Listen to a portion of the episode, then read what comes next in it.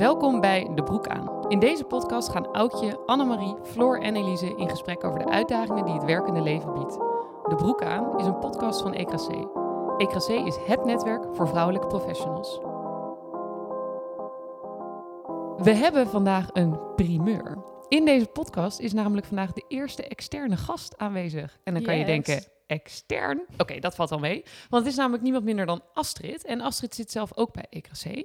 Maar het is een beetje gek om te beginnen eh, met eh, mijzelf, Elise en Annemarie. Stemmen die jullie al kennen. Zonder dat jullie weten wie Astrid is. Dus Astrid, wil jij jezelf even voorstellen? Ja, ik ben Astrid en ik zit in de derde jaargroep van EKC. En ik werk voor de publieke omroep Avotros op dit moment als dramaturg. Dramaturg. Is dat? Dramaturg. Dat? houdt in dat ik eh, alle dramaproducties van Avotros begeleid. In mijn geval begeleid ik de volwassen dramaproducties. Ehm, dan kan je denken aan De Luizenmoeder, Commando's wat nu op televisie is, eh, Grenslanders, Lois, van alles, Papadag. Die begeleid ik van A tot Z. Dus vanaf het moment dat ze gepitcht worden, all the way tot de montage. En dan als ze natuurlijk op televisie te zien zijn. En daarnaast, dat doe ik vier dagen in de week. Daarnaast werk ik freelance als regisseur en schrijver. Nice, nice. Ja. En eh, wie is Astrid nog meer? Want wij hebben in het begin wel grappig gemaakt over wie waar woont. En we hebben Utrecht al afgevinkt, Leiden, Den Haag, Amsterdam. Amsterdam. Amsterdam. Nog Amsterdam. een Amsterdammer. En mijn hele jaargroep is ook Amsterdam. Ja, is een uitzondering, luxe, hoor. is Ja. echt een luxe positie. Ja. Dus wij kunnen lekker altijd op de fiets naar elkaar toe. Ja, mega leuk. Dat is eh, bij ons, wij zijn in 2016 begonnen. In mijn groep is dat in ieder geval niet zo. Dus wij zwerven lekker het hele land door. Heeft ook zo zijn voordelen. Maar wel de Randstad. Wel de Ja. Randstad. We hebben niet iemand die in Noordoost-Groningen Nee. woont. Nog niet. Het is wel een goede disclaimer in mijn beleving van het hele land. Dat dat inderdaad tot en met Utrecht is. Dus goed dat deze nuance even wordt Ja, ik aangebracht. kom uit Drenthe, hè? Dus dat is wel belangrijk. Ja, ja, maar nu niet. Nu woon je in Amsterdam. Nu woon ik in Amsterdam. Hey, we gaan het vandaag hebben over rolmodellen. Eh, iemand met een voorbeeldfunctie. En ik wil eigenlijk meteen met de deur in huis vallen. Dus ik wil graag van jou weten, Annemarie, heb je een rolmodel om mee te beginnen? En daarna ga ik het hebben over wie is dat dan en waarom is dat iemand. Maar heb jij een rolmodel? Ik denk dat ik eh, heel veel rolmodellen heb en heb gehad door mijn hele leven. Eh, ik denk dat het eerste rolmodel wat ik heb gehad, dat dat mijn moeder is geweest, mijn ouders. En misschien later ook mijn jongere zusje. Omdat Mooi. je ook wel moet, hè? daar moet je van leren om jezelf te ontwikkelen.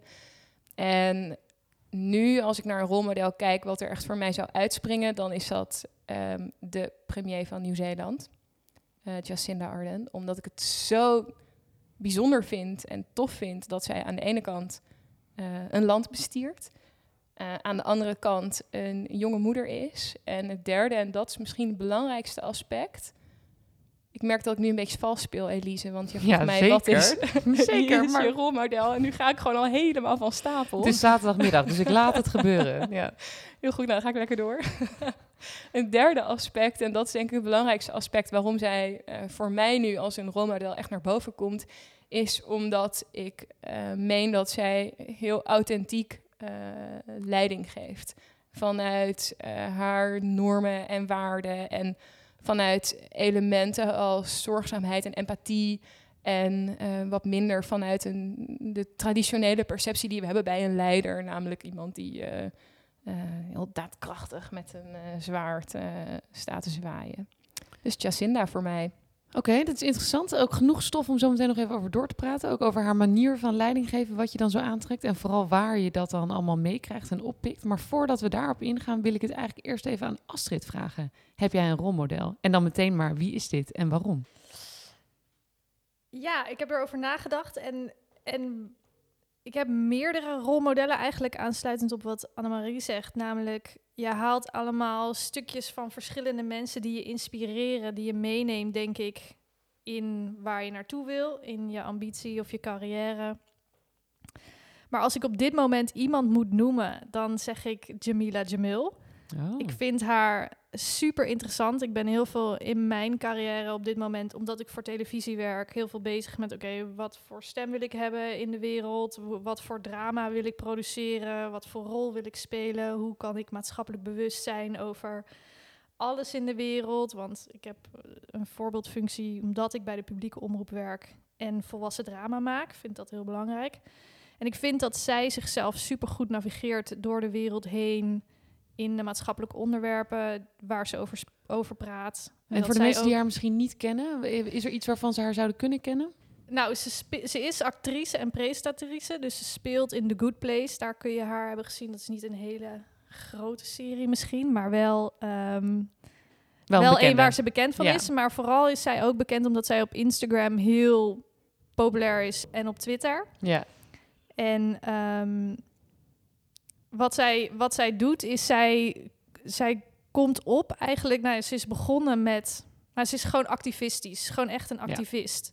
En daarin op gebied van vrouwenrechten, op gebied, gebied van gelijkheid. En daarin vind ik haar heel inspirerend, omdat ze zegt. Hè, ik maak ook fouten. Ze zegt ook soms verkeerde dingen. Maar dan is ze heel goed in staat om daarop terug te komen. Of haar fout toe te geven en te zeggen: het doel is juist leren. We hoeven niet perfect te zijn. En dat vind ik heel inspirerend. Is het ehm, dat je als je, dat is een vraag voor jullie allebei, eh, want jullie noemen heel specifiek eigenlijk één rolmodel. Uh, als je haar ziet, trek je je dan aan haar op? Ik weet niet of ik me echt aan haar optrek, maar ze inspireert me wel. Uh, ze laat wel zien dat je bepaalde mogelijkheden hebt en, en dat dat wel tot je keuzepalet kan behoren. Ja, er zit wel een soort van realiteitszin in. Het is niet zaligmakend, zeg maar, een rolmodel. Um, nee, zeker niet. Ik denk dat goede rolmodellen ook, eigenlijk Astrid, wat jij net ook al zei, juist ook kunnen laten zien dat ze fouten maken en daar ook open voor staan en daar weer over spreken. Dus zeker niet dat een rolmodel voor mij is in ieder geval niet per se iemand die alles altijd perfect doet, maar misschien ook juist ook open staat voor kritiek en feedback en fouten toegeeft. Ja, dat vond ik heel interessant, Astrid, omdat jij dat ook meteen zei. Dat zij soms fouten maakt en dat dan durft toe te geven. Ik heb in aanloop naar deze podcast een boek gelezen van Helen Lewis, Difficult Women. Wat ik echt iedereen zou aanraden. En zij omschrijft daar op een gegeven moment ook hoe we met rolmodellen omgaan. En zij zegt ook het idee van rolmodellen is niet per se slecht. Maar je ziet eigenlijk bijna te vaak dat het... Uh, zij, zegt dan letterlijk dat het tot een soort van feel-good inspiratieporno leidt. Dus dat het helemaal fantastisch is, zeg maar, en dat alles aan iedereen geweldig is. En zij maakt daar de kanttekening bij, omdat ze zegt, ja, we vergeten vaak dat het zeg maar mensen zijn, de struggles die ze ook hebben, uh, en die er ook allemaal mogen zijn, want niemand is perfect. En ik vind dat eigenlijk wel opvallend dat ik dat meteen in jullie rolmodellen terughoor, want ik weet niet zeker of ik dat verwacht had, zeg maar, omdat je toch vaak ook bij rolmodellen wel een beetje denkt, oh, het is echt een voorbeeld, weet je wel, voor iemand Alsof dat. Nou, ik herken me wel in die quote van Helen dat het soms lijkt alsof het dan zaligmakend is. En bij jullie eh, proef ik dat eigenlijk niet zo terug.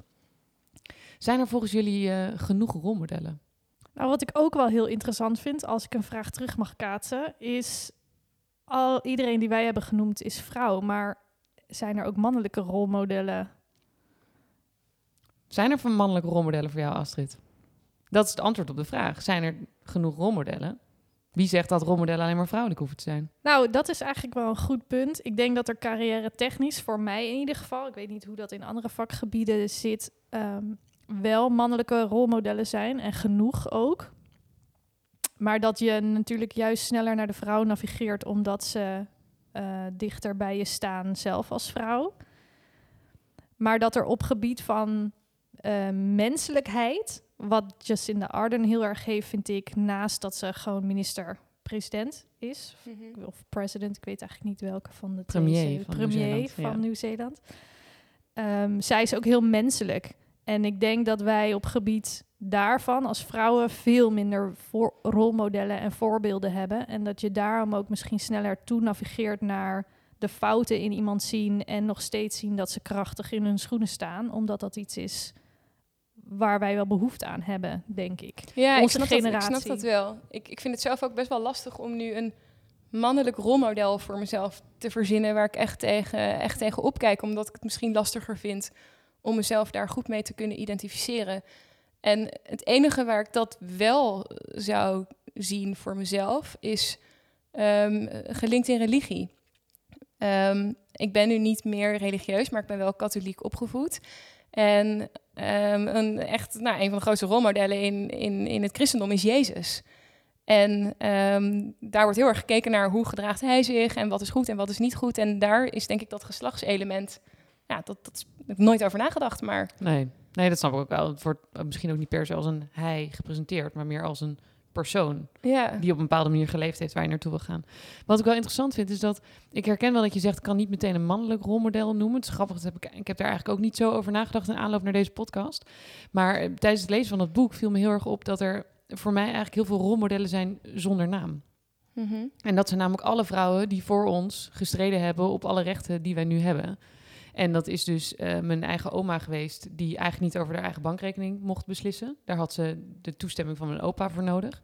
Nou, leeft mijn oma niet meer, dus ik kan niet nu aan haar vragen van... ja, heb je daar tegen geageerd, weet je wel? Was je daar kwaad over? Maar dat is wel iets wat aantoont dat dat toen normaal was. En dat, we kunnen ons nu niet meer voorstellen dat dat zo is. Ja. En ook een vrouw, eh, Caroline Norton, die gestreden heeft voor het recht op scheiding, bijvoorbeeld. Omdat vrouwen dat gewoon helemaal niet mochten. En als dat dan uiteindelijk onder bizarre omstandigheden gebeurde, dat je dan alsnog je kinderen niet mocht zien, zeg maar. En er staat een zin ook in dat boek van, ja, weet je, eh, als... We hoeven haar niet alleen maar dankbaar te zijn als we willen scheiden, maar ook als we gaan trouwen, dat we de mogelijkheid Mhm. hebben om er weer vanaf te kunnen. En ik vond het wel interessant, omdat Jacinda Ardern was ook zo'n naam die meteen bij mij eh, omhoog kwam. Eh, Emma Watson, Meghan Markle ook. Zijn vrijgevochten vrouwen die soort van voor zichzelf staan. Dat vind ik Ja. super inspirerend. Ja. En dan kan je altijd een, een stukje uitnemen. Maar ze zijn ook dichterbij, denk ik, op Nederlandse bodem. Ik vind een aantal vrouwelijke politici die dat ook heel erg hebben. En die echt voet bij stuk houden, zeg Wie maar. dan, bijvoorbeeld? Nou, ik vind Keizer Olongren zo Ja. iemand. Als ik kijk naar wat zij allemaal gedaan heeft en hoe zij haar carrière vormgegeven heeft, dan denk ik wel echt, ja, dat, dat inspireert mij. Ja. En dat is een beetje waar ik naar op zoek ben. Weet je wel, van wat haal je nou uit zo'n rolmodel? Want het is niet iemand waarvan je denkt, dat is precies hoe ik wil worden. Of ik maak exact dezelfde keuzes, helemaal niet. Maar volgens mij zijn het van die elementen erin. Dus dat vrouwen die gestreden hebben voor de rechten van vrouwen. Of zo'n Emma Watson. Nou, dat kent iedereen natuurlijk wel van Harry Potter films. Hè? Maar het is eigenlijk ook een hele uitgesproken feminist. Eh, staat heel duidelijk voor zichzelf. Meghan Markle, die zich vrijgevochten heeft van het keurslijf... wat bij het Britse Koningshuis hoorde. Ja, ik weet niet. Dat soort dingen triggeren mij allemaal wel. Dus ik ben heel benieuwd of jullie dat ook hebben... en of er dus meerdere mensen in jullie omgeving zijn... Zeg maar, waar je zulke soort delen uithaalt. Ja, want jouw vraag, was, jouw vraag was, als ik het goed heb onthouden, of er genoeg rolmodellen zijn. Hè? En ik denk voortbordurend op wat jij zei, Elise, of wat jij zegt, Elise, dat aan de ene kant, als je naar echt de, de, lange geschiedenis kijkt van de mens, dan denk ik dat er aan de ene kant te weinig rolmodellen zijn geweest voor vrouwen. Maar aan de andere kant dat er ook veel te weinig erkenning is voor vrouwen, als we er nu naar kijken, die wel echt eigenlijk een, een voortrekkersrol hebben gehad. En dat kunnen inderdaad kleine dingen zijn die misschien jouw oma of mijn oma heeft gedaan. Maar dat kunnen ook grotere ehm, thema's of onderwerpen of vrouwen zijn geweest. Wat ik altijd daar echt een fantastisch voorbeeld in vind, is als je het hebt over beroemde componisten. Dan denken wij, ik zelf ook, ik denk eigenlijk alleen maar aan mannen. Ik denk aan Mozart en Beethoven en Zusje Bach. van Mozart. Ja. Ja, en dan heb je dus Mendelssohn. Nou, dan heb je dus natuurlijk ook een hele bekende componist. Maar zijn zus, die was eigenlijk veel beter. Zij was, als je dat, er wordt nu steeds meer onderzoek ook naar gedaan, maar zij kon en veel beter piano spelen en zij heeft fantastische stukken gecomponeerd. Maar omdat zij trouwde en eh, bij een getrouwde vrouw niet paste dat je ook zelf stukken componeert, heeft eh, Felix Mendelssohn, dus haar broer, dat allemaal, of niet allemaal, maar in ieder geval voor een groot deel overgenomen. En is dat op zijn naam komen te staan. ja, dat is hetzelfde bij Mozart. Zusje van Mozart kennen we eigenlijk ook allemaal niet. Ja. Er worden, worden vergelijkbare verhalen en boeken over geschreven. Maar het is eigenlijk antwoord op een stelling die ik nog niet geposeerd heb. Oh. Want de stelling Oei. is namelijk, die straks in de podcast langs zou komen, maar waar je alvast een goed voorschot op hebt genomen. is namelijk de huidige maatschappij negeert massaal de impact die vrouwen op de geschiedenis hebben gehad. En dat reflecteert eigenlijk wel heel erg in het voorbeeld wat jij noemt, omdat vrouwen dus wel degelijk, wel degelijk, dat klinkt een beetje raar, omdat vrouwen enorm veel impact op Mhm. de geschiedenis hebben gehad, maar omdat ze heel vaak nog niet zelfstandig iemand waren. Dus hun man was iemand, hun broer was iemand. En dat zit helemaal verweven inderdaad in van, heb je een mooi stuk gecomponeerd, maar zien we dat nu nooit meer onder jouw naam? Of Ja. heb je recht om een eigen rekening te hebben? Of we kennen ook de verhalen van boeken die vrouwen geschreven hebben, die onder hun man werden uitgegeven, because they were nobody, zeg maar. Ja. En in de wetenschap zie je dat volgens mij ook wel terugkomen, dat bepaalde ontdekkingen aan mannen worden Ja. toegeschreven, terwijl die eigenlijk door een vrouw zijn ontdekt. Volgens mij was dat Ja. met DNA bijvoorbeeld het geval. Ja, klopt. Ja, dat is uh, fascinerend als je erover nadenkt. En eh, jullie, ik kan me voorstellen dat de luisteraar ook denkt... waarom zit Astrid aan tafel? Maar dat wordt straks helemaal duidelijk. Daar gaan we het dan helemaal met elkaar over hebben. Maar wat ik... eh, dus laat ik een andere stelling eh, er, erin gooien. En eh, we- hij is sluimerend langsgekomen. Maar het hebben van een rolmodel is cruciaal... om ergens naartoe te kunnen werken. Astrid. Ik ben het daar in bepaalde zin wel echt mee eens. Het hele concept van you cannot be what you cannot see, vind ik daar heel erg van op toepassing. Ehm, met name omdat ik denk, als je als jong meisje nog nooit een minister-president hebt gehad die vrouw is, dan weet je niet dat je het kan worden totdat je een bepaald bewustzijn hebt ontwikkeld. Stel je bent 8, 9 en je gaat ineens nadenken over wat die persoon aan het doen is. En dan denk je, hé, hey, dat kan ik ook. Terwijl een jongetje dat al denkt als hij drie of vier is eh, en rondwaggelt door de wereld. En dat is een achterstand die je oploopt als je minder rolmodellen hebt op bepaalde posities en plekken in de wereld. En daarom vind ik het ook supergoed dat daar nu echt een verandering in komt, ook met eh mediarepresentatie. Dus dat mensen schrijven over vrouwen in bepaalde functies, dat mensen schrijven over vrouwen in bepaalde rollen in de samenleving.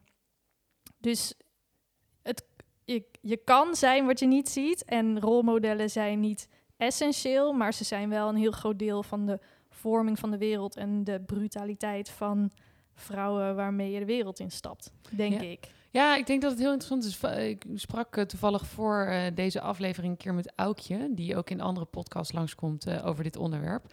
En zij gaf bijvoorbeeld ook aan wat de impact is van een vrouwelijke lijsttrekker van een politieke partij die niet per se haar partij is. En dat is precies wat jij een soort van omschrijft van you cannot be what you cannot see, zeg maar. Dat soms is iets larger than life. Dus soms is een rolmodel er ineens en heeft het de potentie om iets heel nieuws mogelijk te maken, zoals Sigrid Kaag, die mogelijk de eerste vrouwelijke premier van Nederland wordt, dat dat veel vrouwen triggert om dan te zeggen: oké, maar dan wordt bijvoorbeeld ook de impact die ik kan hebben anders. Want ik voel me geroepen om dan nu op haar te gaan stemmen, omdat zij iets voor elkaar kan krijgen wat we anders nog steeds niet hebben. En sinds 1848 hebben we al geen vrouwelijke premier gehad, zeg maar. Dus is, ik denk dat je precies goed uitlegt wat, eh, wat de precaire balans ertussen is. Ja, en er is misschien wel iets, iets leuks om aan toe te voegen, is dat het, het, het hebben van een rolmodel ehm, niet alleen kan leiden tot dat je ook zelf je beseft dat je dat kan worden. Hè? Dat je bijvoorbeeld minister-president kan worden als vrouw zijnde in Nederland. Eh, of dat je wetenschapper kan worden als, eh, als jong meisje. Ehm, maar ook dat het hebben van rolmodellen, in ieder geval in sommige situaties, de prestatie van de groep kan verbeteren. Ja. Ehm, wat er echt een leuk onderzoekje weer. Hey, Annemarie, Eh, heb je een leuk onderzoek ik heb daar een heel leuk onderzoek over gevonden waar ik heel graag over wil vertellen. En mijn stem gaat ervan overslaan zelfs. Nee, nee, nee, maar dat is helemaal goed. Annemarie brengt eigenlijk altijd wel een onderzoekje in, zoals de luisteraars denk ik inmiddels doorhebben. Maar vertel, Ja, wat heb je ja. gelezen? Nou, is een, on- een onderzoekje van eh, de Universiteit eh, van Harvard. En ehm, daar hebben ze gekeken naar wat de toegevoegde waarde kan zijn van een rolmodel bij wiskunde. En dan met name de prestaties van vrouwen bij wiskunde. Want eh, over het algemeen wordt vaak gezegd van nou, vrouwen zijn minder goed in, in moeilijke wiskundeproblemen dan eh, mannen. Hè. Dat is echt een mannending, die wiskunde. En dat, dat zie je vaak ook in de, in de gemiddelde resultaten. En wat deze onderzoekers hebben gedaan, die hebben een rolmodel neergezet bij een groep wiskundestudenten. En dat rolmodel was dan een, nou, een hele goede wiskunde senior eh, vrouw aan de ene kant. En de andere groep kreeg een goede wiskunde senior man als eh, examinator en begeleider. En wat je zag was dat de vrouwen die die vrouw hadden als wiskunderolmodel een stuk beter presteerden dan de groep vrouwen die de man had als ehm, ja, wiskundebegeleider. En misschien ook rolmodel, maar in ieder geval mannelijk rolmodel.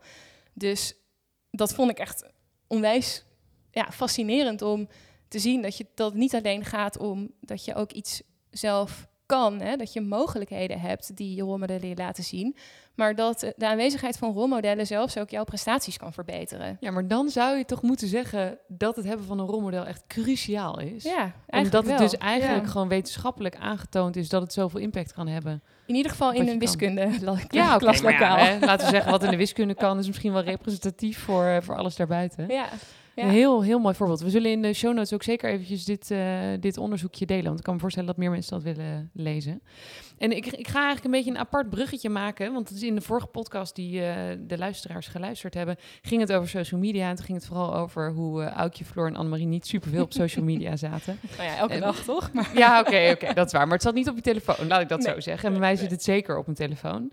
En ehm, eh, bij Astrid is dat, eh, neem ik aan, ook het geval. En Astrid is hier namelijk ook vandaag aanwezig... omdat zij een van de initiatiefnemers is van de Women Crush Wednesday. En voor degenen die ons op Instagram volgen... hebben dat, die hebben dat al kunnen zien de afgelopen maanden. En elke keer worden er eigenlijk vrouwen uitgelicht aan de hand van een paar thema's. En daar ga ik zo alles aan Astrid over vragen. Maar voordat we daar beginnen wil ik eigenlijk aftrappen met een quote die in het boek van Helen Lewis eh, staat, Difficult Women. Ik herhaal het nog maar even, want het is echt een van de beste boeken die ik ooit gelezen heb.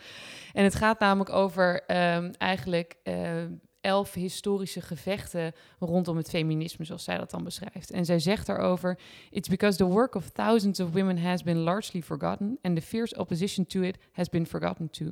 As a feminist, victory is often bittersweet. The new reality quickly feels normal, obscuring the fight required to get there. En dan eindigt ze met progress erases struggle.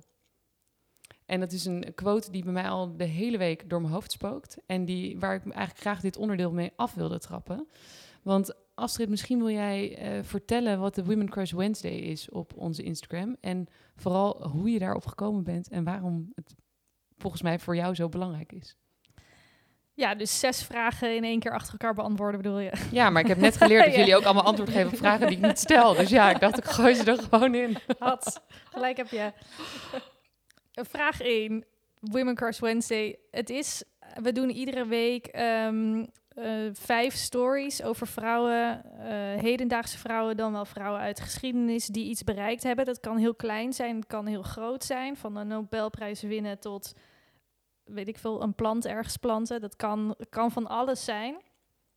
En ehm, ons doel is eigenlijk om hen een naam te geven, of eigenlijk niet hen een naam te geven, maar om hun naam te benadrukken aan onze lezers. En we koppelen dat aan vier verschillende thema's: raise your voice, stand up for yourself, ehm, Challenge the norm. Challenge the norm. Remember their story. remember their story. Stronger together. Stronger Together, want dat is iets anders waar we weten helemaal niet of we het daarover gaan hebben. Maar het samenwerken van vrouwen is ontzettend belangrijk en ook een onderbelicht thema in de hele wereld, voor mijn gevoel. Nou, daar wijden we ook een post aan. Ehm, en dat doen we iedere week om, om vrouwen centraal te stellen uit geschiedenis. En waarom is eigenlijk tweedelig. Deels waar we het ook net over hebben gehad, namelijk inspiratie. Dus het zien en het lezen van over vrouwen eh, die iets bereikt hebben in de wereld, waaraan jij je kan linken en kan koppelen, kan jou inspireren. Dus we eindigen ook altijd de post met: is er iemand die je kan aanspreken deze week? Of is er iemand voor wie je kan opkomen? Is er iemand, eh, of, of wil je, heb je zelf een probleem en wil je erover uitspreken? Doe het. Durf op te staan tegen whoever je, jou aan het tegenwerken is. Dus we proberen daar altijd soort positieve boodschappen aan te verbinden om eh, onze volgers te inspireren. En waarom is dit zo belangrijk? Nou, Of wat drijft jou om dit te doen? ja, dus en dat is eigenlijk mijn tweede waarom is ehm, omdat ik het gevoel heb dat we de geschiedenis een beetje splitsen in het heden, waar we vrouwelijke CEO's hebben, waar we vrouwelijke minister-presidenten hebben, waar we vrouwen hebben op allerlei hoge functies en de geschiedenis die gevormd en gemaakt is door mannen. Maar op het moment dat je die samenvoegt en je beseft dat er ook vrouwen zijn geweest die bedrijven hebben gehad twee of 300 jaar geleden. Dat de eerste CEO die vrouw is in Nederland, die nu door de media wordt beschreven, gewoon een hele reeks aan generaties achter zich heeft staan, die met haar eigenlijk eh, daar naartoe zijn gegroeid. Maar ze zijn vergeten door de geschiedenis, of ze zijn niet opgeschreven, of hun werk is teniet gedaan. Maar dat betekent niet dat ze er niet geweest zijn en dat je ze allemaal meedraagt. En dat dat jou heel veel kracht geeft in, in hoe je nu in je schoenen staat. En dat is eigenlijk waarom. Dus het is tweezijdig. Mensen van vroeger hun naam teruggeven, of vrouwen van over de wereld die wij misschien nu, niet kennen, uit Afrika of uit Ja. Latijns-Amerika. Uitlichten. ja. uitlichten. En deels ook bewustzijn creëren van de geschiedenis die daarachter zit. En dat je, dat je een, uit een geschiedenis komt vol met vrouwen die die wereld gevormd hebben, ook al ken je hun namen niet. En ik denk dat dat iets krachtigs is. Ja, zeker. Ik smul er altijd echt van, elke, elke woensdag. En we krijgen ook vaak feedback van mensen erop dat ze denken... jeetje, dat verhaal kende ik echt helemaal niet. En eh, daarom ben ik wel benieuwd waar je al die voorbeelden vandaan haalt. Ja, nou, uit de vrouwenlexicon heel veel. Dus ik, eh, ik, ik hou van verhalen, want ik ben een verhalenverteller. Wat, dus wat is de vrouwenlexicon voor mijn eh, begrip? Wat bedoel je daarmee? De Vrouwenlexicon is een site waar ehm, eh, twee, nou, gewoon duizenden vrouwen uit de Nederlandse geschiedenis, eh, maar ook Surinaamse geschiedenis of Indonesische geschiedenis eh, beschreven worden. En Mhm. hun verhalen zijn door historica, historicussen, Ja, historica? historica, denk ik. historici, sorry. Oh, nee, net zijn door politica. historici. Oh, meervoud zoeken we. Ik zoek het Ah, meervoud. ja, het is Dat historicus. Oh, ik dacht, we zoeken de vrouwen. Totaal dacht ik ook. gefocust. Ja, dat Ja, is mijn bias. Ja. Lekker gebiased. Historici Ja. is uitgezocht en die hebben dat allemaal in die lexicon verzameld. En dat is Ehm, gewoon www.vrouwenlexicon.nl. Ja. nice. Het is super simpel. En daar kun je gewoon alles zoeken. Je kunt vrouwen uit de politiek zoeken, je kunt wetenschap, je- maar je kan ook op misdaad zoeken, wat heel erg leuk is. Eh, Ja. Je hebt echt daar. Ik hoop dat we ooit, maar dat is nog niet de meest inspirerende reeks. Maar ik hoop dat we ook misdadigers kunnen be- gaan benoemen en zo. Want ja, het is toch Je ook leuk om dat te weten. Ja, je moet toch ook weten dat vrouwen. Alsnog. ga- Ja, Maar misschien kan je dan dit boek lezen na, na vandaag van Helen Lewis. Want zij Precies. schrijft ook over de suffragettes in, eh, in Engeland. En daar is ook een, eh, laten we zeggen, nogal een gewelddadige tak van geweest. En die hebben ook veel in de gevangenis gezeten. Er zijn ook heel veel andere dingen over te zeggen, wat hun allemaal is aangedaan. Maar ook wel over dat ze af en toe goed buiten de lijntjes kleurden. Ja, Mhm. en niet iedereen hoeft altijd maar goed te zijn. Dat is ook oké. Ja, niet, betekent niet dat je iedereen wil niet verkeerd beeld creëren voor. Maar We hoeven Ja, ze niet per se maar- fantastisch te vinden om ze te kunnen waarderen. precies. Ja. En, en ze, ze hebben wel hun mannetje gestaan in een wereld waar ze dat misschien nog niet eh, mochten of konden. En dan, Ja. dat is wel intrigerend. En ik wil eigenlijk eh, weten, want we hebben natuurlijk ook altijd onze vaste rubriek. Dus daar moeten we straks ook nog eventjes naartoe. Maar ik wil van jou eigenlijk weten wat je lievelingsverhaal is geweest tot nu toe. Nou, ik heb meerdere lievelingsverhalen. had geen uiteraard. ander antwoord En ik ben verwacht. ze allemaal weer doorgegaan en ik dacht, ik vind ze allemaal fantastisch. Ehm, maar één van degene die mijn hart soort van breekt, maar ook die ik fantastisch vind, is eh Mien van Bree. Oh ja, ja. Zij is eh, Nederlandse wereldkampioen wielrenster in de jaren 30. En ehm, zij vond, zij is, vrouwen waren niet toegestaan in de Nederlandse wielrenbond. Zij is een eigen groepje begonnen en zij reed van Loosduinen, waar ze woonde, naar België om daar mee te doen aan competities. Want daar mochten vrouwen wel mee fietsen. En daar is zij meervoudig wereldkampioen en Europees kampioen geworden. Terwijl de media in Nederland schreef, hebben vrouwen niks beters te doen. Letterlijk als krantenkop. Over Mien van Bree. En als je nu googelt, dat heb ik daarnet gedaan, wie is de eerste Nederlandse vrouwelijke wiel, wereldkampioen wielrenner, dan staat niet haar naam Nee. eh, daar Ja. genoemd. En dat, dat vind ik echt, oh, dat breekt mijn hart. Ja. Want zij is dus, daarna brak de oorlog uit en zij is terug naar huis verhuisd, eh, is voor haar ouders gaan zorgen en is uiteindelijk gestorven. In haar dorp wist niemand wat zij deed, wie zij was, eh, wat ze had bereikt. En ehm, Heeft zij een Wikipedia, Wikipedia-pagina? Ja, een kleine Wikipedia-pagina. Ik heb heel veel artikelen Dus- erover gelezen, dat doe ik sowieso. Dus ik doe ook Ja. heel vaak top 20 vrouwen uit Afrika, top 20 Mhm. vrouwen uit eh, het Midden-Oosten. maar misschien eh, moeten we mensen ook oproepen dat als ze geïnspireerd raken door de Women Crush Wednesday, dat ze dan ook eh, de Wikipedia-pagina's van deze vrouwen uitbreiden. Omdat dat natuurlijk wel is hoeveel mensen zoeken naar informatie. Ja. Dus eh, Ja. misschien kunnen we deze nog aan je meegeven, Astrid, eh, hierover. hey, ik wil naar het Powervrouw momentje van de week eh, toe gaan. Want dat is natuurlijk een vaste rubriek in deze podcast. En we dachten, ja, Astrid, we vragen het ook gewoon aan jou natuurlijk. Omdat je te gast bent bij ons vandaag.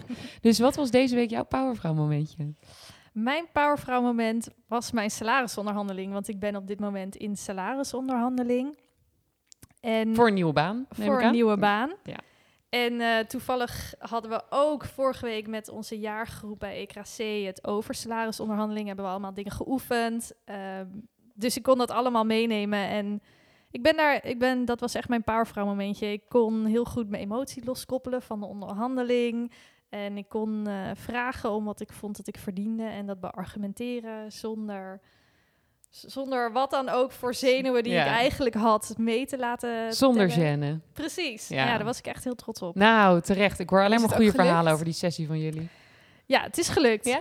Ik ben omhoog gegaan. Leuk. Nice. Mooi. Ja. En gefeliciteerd natuurlijk met de nieuwe baan. Dus ik zou zeggen voor de luisteraars, stay tuned. Of Ja. zoals Annemarie in de vorige aflevering zei, volg Astrid op Instagram om te volgen wat straks haar nieuwe baan is. Ja. Maar toen zei je dat over mij, hè? maar toch. Hey, en Annemarie, om af te sluiten, wat was jouw powervrouw momentje van de week? Ehm, ik ben net terug van vakantie. En Kan ook enorm veel power geven. Ja, dat kan dus echt enorm veel power geven. En wat, mijn, eh, wat echt een, een prachtig moment was waar ik me een powervrouw voelde tijdens die vakantie, was dat ik naar. Ik was naar Denemarken voor de achtergrond. En eh, eh, nou, dat leek coronatechnisch, want we leven nog steeds in coronatijd. Een redelijk veilig land om naartoe te gaan. We zaten daar in een heel schattig oud boerderijtje aan zee. En daar was een sub bij, een stand-up paddle. Nou, vind ik heel leuk om te doen. We zaten aan de Oostzee, redelijk vlak water. Dus ik ging op een ochtend vroeg, mijn vriend lag nog te slapen, ging ik vroeg suppen. Vakantie vroeg, dus weet ik van acht uur s ochtends of zo. Nou, En dat je zo dat het vakantie. laagstaande zonnetje en ik was helemaal alleen op zee. En toen kwamen er op een gegeven moment, zag ik zo twee dolfijntjes zo om me heen, zo boven het water uitkomen. En toen dacht ik echt, wauw, dit is echt vet. En ik voel me een powervrouw dat ik hier sta. Dat is echt helemaal terecht. Ja. En ik denk dat het ook een enigszins jaloersmakend powervrouw momentje is om deze podcast mee af te sluiten. Want ja, wie heeft er nog meer op een sub gestaan en dit meegemaakt? Eh, mocht dat zo zijn, comment dan vooral onder deze, deze podcast, zou ik zeggen. En voor nu zou ik eh, Annemarie natuurlijk heel erg willen bedanken. Die horen jullie binnenkort ook gewoon weer terug in deze podcast. En Astrid, dat zij met ons mee wilde spreken over rolmodellen en over de Women Crush Wednesday. Als je ons nog niet volgt op Instagram of op LinkedIn, ga dat dan vooral doen. Want elke woensdag wil je dit natuurlijk gewoon meekrijgen. Dankjewel. Dankjewel. Je luisterde naar De Broek aan, een podcast van EKC. EKC is het netwerk voor vrouwelijke professionals. Wil jij hier meer over weten? Volg ons via LinkedIn, Instagram of onze website. En vergeet je niet te abonneren op deze podcast. Reageren mag altijd, dat vinden we heel leuk.